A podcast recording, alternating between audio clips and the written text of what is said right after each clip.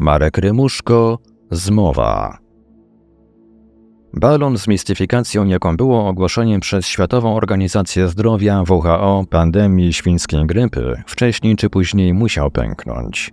Skutki tąpnięcia, u którego źródeł leżała bezwzględność i pazerność wielkich koncernów farmaceutycznych, okazują się jednak i bardzo dobrze poważniejsze niż niektórzy przewidywali, zwłaszcza, że to dopiero początek tego, co może jeszcze wyjść na jaw. Przez wiele miesięcy w oficjalnych światowych mediach, także polskich, w sprawie tej panowało milczenie, któremu towarzyszyła histeria nakręcona dzień po dniu przez prasowe tabloidy oraz komercyjne stacje telewizyjne i radiowe. W jej ramach nagłaśniano prawie każdy nowy przypadek światowej grypy zakończony zgonem pacjenta, czyniąc to nierzadko w sytuacji, gdy przyczyną śmierci, jak później wychodziło na jaw, były wcześniejsze poważne skorzenia i dysfunkcje organizmów osób dotkniętych nową chorobą. W niektórych prasowych tytułach i programach telewizyjnych niemal polowano na ludzi wysiadających z samolotów tylko dlatego, że niektórzy z nich w podejrzany sposób zanosili się kaszlem, co mogło zwiastować i z reguły tak było banalne przeziębienie i zwykłą infekcję dróg oddechowych.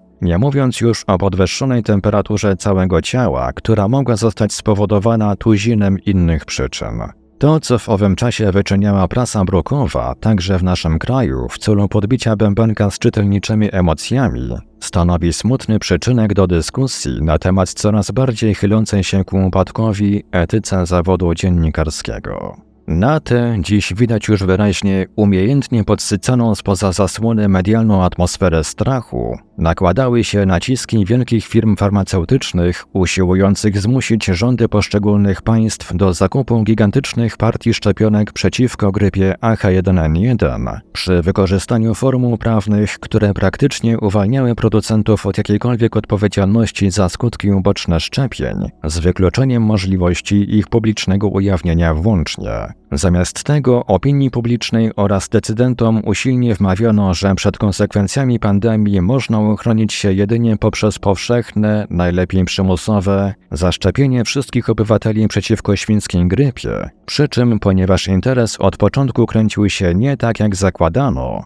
pojawiła się koncepcja, że w tym celu nie wystarczy jedno szczepienie, lecz potrzebne będą minimum dwa. Wszystko to działo się w tym samym czasie, gdy na niezależnych portalach internetowych dosłownie wrzało wskutek publikowania tam informacji, jakich próżno by szukać w oficjalnych mediach. Często, bardzo często żyjących z jednoczesnego reklamowania produktów firm farmaceutycznych. Właśnie dlatego nie mogła liczyć w żaden sposób na ich wsparcie austriacka dziennikarka Jana Burgermeister, która w ubiegłym roku wytoczyła pozwy przeciwko wielkim koncernom farmaceutycznym i WHO, a także grupie czołowych polityków, oskarżając adresatów o sztuczne nakręcanie świńskiej grypy, a nawet jej świadome wywołanie po to, by pomnożyć własne zyski i zrealizować inne złowróżbne cele. Jednocześnie w internetową sieć, jak można sądzić celowo, wrzucono różne niezweryfikowane wiadomości, mające skompromitować nieoficjalny obieg informacji w tej mierze, jak na przykład rozpowszechniane pogłoski o zakupie przez niektóre państwa większej ilości trumien i plastikowych worków z przeznaczeniem na ciała ofiar pandemii, budowie prowizorycznych obozów, w jakich mieli zostać rzekomo izolowani wszyscy, którzy nie zgodzą się na poddanie szczepieniom, nie mówiąc już o sugerowanej możliwości ogłoszenia w wielu krajach z tego powodu stanu wyjątkowego, który zawiesza liczne prawa obywatelskie i w imię dobra ogólnego uzasadnia szerokie stosowanie przymusu państwowego. Aż w końcu, pod ciężarem wychodzących raz po raz na jaw bulwersujących faktów, gmach pracowicie budowanej mistyfikacji bezpowrotnie runął. Przełomowym momentem okazała się twarda postawa rządów niektórych państw z Polską na czele, które nie poddały się presji międzynarodowych instytucji stojących na straży zdrowia, takich jak WHO oraz sterujących z ukrycia tą organizacją wielkich koncernów farmaceutycznych. Efektem takiej postawy była odmowa zakupu gigantycznych partii szczepionek bez wzięcia na siebie przez producentów prawnych gwarancji bezpieczeństwa ich stosowania. Kolejną szczególną cezurę wyznaczyły działania podjęte przez Podkomisję Zdrowia Zgromadzenia Parlamentarnego Rady Europy, która na początku stycznia bieżącego roku ustami swego przewodniczącego doktora Wolfganga Wodarga z zawodu lekarz i epidemiolog, zażądała wszczęcia oficjalnego śledztwa w sprawie niedopuszczalnych metod, jakimi na wspomnianym polu posłużyły się koncerny, oraz ujawnienia ich powiązań z instytucjami powołanymi do ochrony ludzkiego zdrowia, w tym zwłaszcza WHO. Jednym z przykładów takich powiązań okazała się, choć to tylko wierzchołek góry lodowej, rola, którą odgrywał jeden z brytyjskich naukowców, Roy Anderson. Z jednej strony doradzał on w sprawie szczepionek rządowi brytyjskiemu, z drugiej zaś inkasował ogromne kwoty od ich producenta. Jeszcze dalej w oskarżeniach posunął się przewodniczący Zgromadzenia Parlamentarnego Unii Europejskiej Luis Maria de Puig, który określił ogłoszenie pandemii mianem największego skandalu medycznego w historii, a także zarzucił kartelom farmaceutycznym, że wskutek ich presji miliony ludzi zaszczepiły się nieprzetestowanymi szczepionkami, narażając się na nie dające się przewidzieć skutki uboczne. Wreszcie w obiegu publicznym pojawiły się oficjalne pytania. Przedtem można było je znaleźć jedynie na wspomnianych niezależnych forach internetowych. Jak to możliwe, że szczepionki przeciwko grypie AH1N1 były gotowe na długo wcześniej, zanim choroba ta wybuchła i zaczęła się rozprzestrzeniać? Co tak naprawdę stało się w czeskim laboratorium, gdzie podczas testowania jednej z rzekomo bezpiecznych szczepionek na zwierzętach stwierdzono ich zgony, a także co kryło się za wybuchem w pociągu w Szwajcarii przesyłki z zanieczyszczoną partią szczepionki, wyekspediowaną z Meksyku do jednego z miejscowych centrów farmaceutycznych. Wszystko to, dodajmy, eksplodowało w momencie, gdy państwa, które wcześniej zawierzyły oficjalnym enuncjacjom WHO, zakupiły miliony szczepionek, w efekcie czego, nie wiedząc obecnie co z nimi począć, usiłują gorączkowo pozbyć się kłopotu poprzez ich odsprzedanie innym krajom, bynajmniej niezainteresowanym taką transakcją. Wystarczy wspomnieć, że sama tylko Francja nabyła 84 miliony szczepionek, inne źródła operują liczbą 94 milionów przeciwko grypie AH1N1 za kwotę 860 milionów euro. Włosi wydali na nie około 200 milionów euro, a władze Wielkiej Brytanii miliard funtów. Nie mówiąc już o podjęciu przez nie innych działań na wypadek, gdyby pandemia miała przybrać katastrofalne rozmiary. Plany włączenia w walkę ze świńską grypą wojska, przygotowanie dodatkowych miejsc w kostnicach i tym podobne. Była to, jak dziś wychodzi na jaw, bezproduktywna aktywność, gdyż u podstaw całej histerii kryła się przede wszystkim pazerność farmaceutycznych tytanów, które z premedytacją wprowadziły światową opinię publiczną w błąd. Cała intryga zaś wzięła w łeb w momencie, gdy okazało się, że grypa ma łagodny przebieg. Liczba jej śmiertelnych ofiar jest mniejsza niż w przypadku zwykłej grypy. Do lutego około 13 tysięcy osób. Ludzie nie chcą się dobrowolnie szczepić, gdyż boją się potencjalnych skutków aplikowanego im antidotum.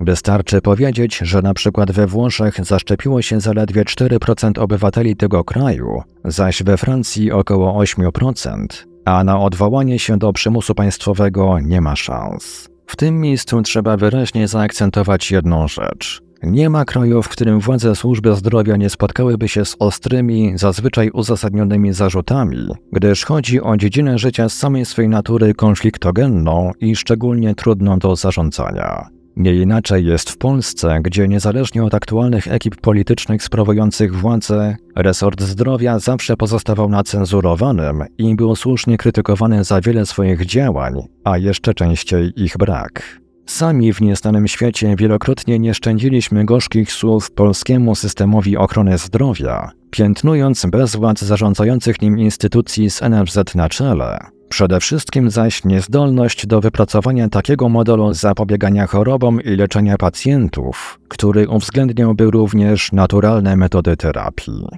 I te zarzuty pozostają w mocy.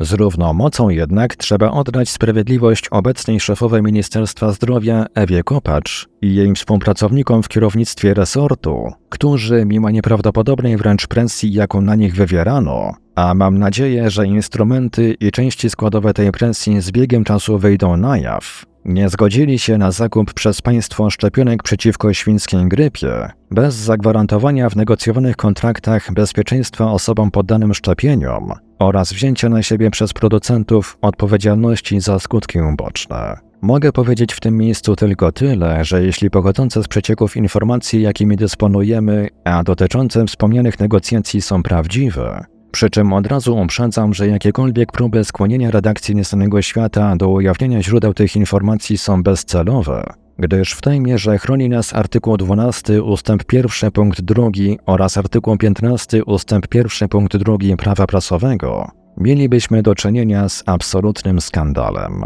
Tym większy więc szacunek trzeba wyrazić pani Ewie Kopacz za determinację i odwagę, jaką wykazała, odmawiając zakupu niebezpiecznych i niedostatecznie przetestowanych szczepionek przeciwko świńskiej grypie, za co spotkała się z huraganową krytyką części lekarzy. Zwraca zwłaszcza uwagę niepowszednia aktywność na tym polu niektórych byłych szefów resortu zdrowia z eseldowskim ministrem Markiem Balickim na czele. Co ważniejsze, nie ugięła się ona również pod ciężarem medialnych ataków, w czym celowała zwłaszcza wąska grupa tzw. Tak opiniotwórczych publicystów oraz niektóre tytuły prasowe. Chcę wierzyć, że u źródeł tych postaw leżała zwykła głupota i ignorancja. W środowisku, z którego sam się wywodzę, cecha niestety dziś nierzadka, a nie decydowały o tym zupełnie inne względy. Tak czy inaczej, wszyscy, podkreślam, wszyscy ludzie dobrej woli i o czystych rękach w tej konkretnej sprawie mają obowiązek podziękować Ewie Kopacz za to, co zrobiła, a mówiąc bardziej precyzyjnie, czego nie zrobiła, mimo wywierania na nią zmasowanej presji. Szapoba. Na tym tle, co trzeba stwierdzić ze szczególnym ubolewaniem, kuriozalną postawę zaprezentował polski rzecznik praw obywatelskich dr Janusz Kochanowski. Chodzi nie tylko o złożone przezeń doniesienie do prokuratury operujące zarzutem, iż władze Polskiej Służby Zdrowia poprzez niezakupienie szczepionek przeciwko świńskiej grypie rzekomo naraziły obywateli na niebezpieczeństwo utraty życia i zdrowia. Jak wiadomo, prokuratura, co było do przewidzenia i za co jej chwała, odmówiła wszczęcia w sprawie postępowania. Lecz, jakby tego było mało, w swoich groteskowych, bo one są niestety groteskowe działaniach, posunął się do wniesienia z tego powodu pozwu przeciwko Skarbowi Państwa wraz z groźbą, że w razie jego nieuwzględnienia przez sąd uda się ze swoimi roszczeniami do Trybunału w Strasburgu, wzywając jednocześnie do składania identycznych powództw przeciwko państwu polskiemu przez obywateli. Przy czym pan rzecznik w styczniowym wywiadzie dla radia RMFFM swoje poczynanie nazwał jakże celnie krucjatą. Ze swej strony uważam, że sprawiedliwym pokwitowaniem takiego zachowania doktora Kochanowskiego powinna być jego dymisja z pełnionej funkcji. Piszę to z tym większą przykrością, że sam jestem prawnikiem i dobrze pamiętam czasy, gdy Urząd RPO sprawowały tak wybitne i godne szacunku osobistości jak profesor Ewa Łętowska czy profesor Andrzej Zoll. Jest więc doprawdy rzeczą żenującą, iż w ogóle mogła dojść do wspomnianej sytuacji, zwłaszcza, że dr Janusz Kochanowski, jak słychać, znał poufne materiały dotyczące negocjacji w sprawie zakupu szczepionek przeciwko świńskiej grypie przez polski rząd, Ergo wiedział, dlaczego transakcja ta właśnie w imię najlepiej pojętego interesu społecznego i poszczególnych obywateli nie powinna zostać zawarta. Jeśli zaś dr Kochanowski, który jak twierdzi sam zachorował na świńską grypę, koniecznie chciał się na nią zaszczepić, mógł przecież w każdej chwili uczynić to na własny koszt i ryzyko, jako że szczepionki te były dostępne, tyle że bez opatrzenia ich państwowym certyfikatem bezpieczeństwa, do wydania którego, podkreślmy raz jeszcze, brakowało niezbędnych przesłanek. W kontekście spraw, o jakich piszemy, trzeba też uważnie przyjrzeć się roli środków masowego przekazu, nie bez powodu określonych mianem czwartej władzy.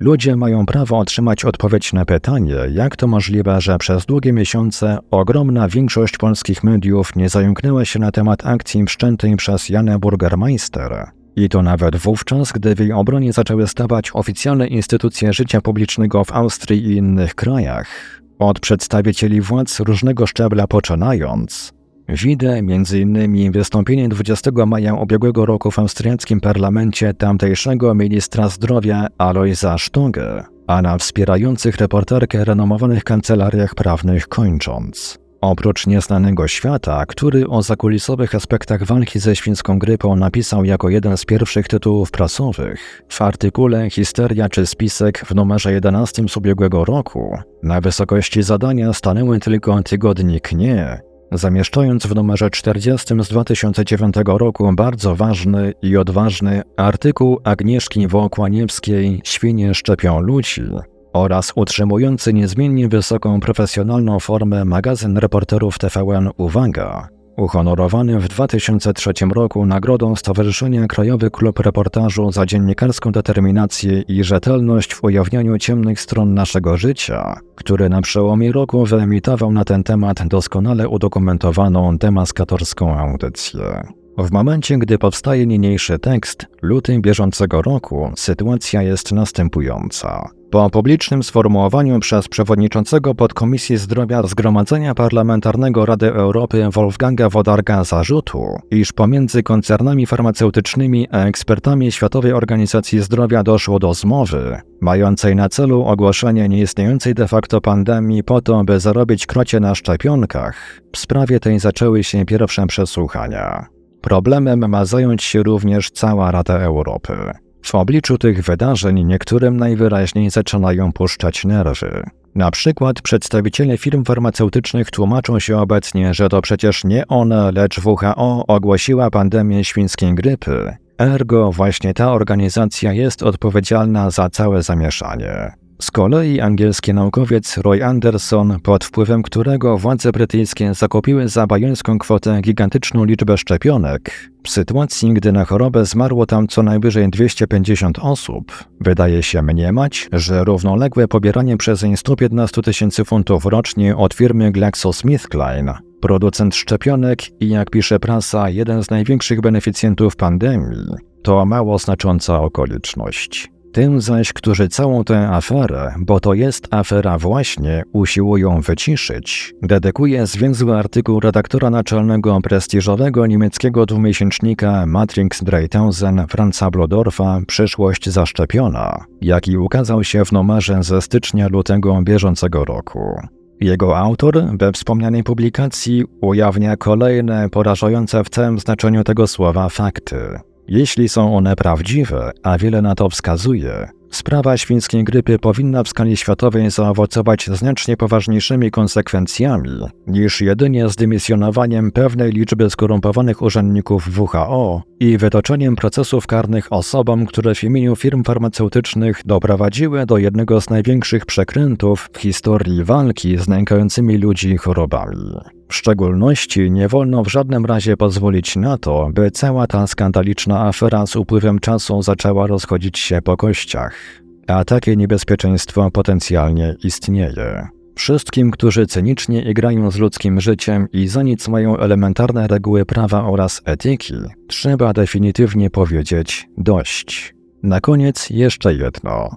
Ci, którzy ponoszą odpowiedzialność za przekręt, przegrali nie tylko z tego powodu, że przegięli ze swoimi poczynaniami, mającymi na celu wygenerowanie za wszelką cenę monstrualnych zysków w walce z nieistniejącą pandemią.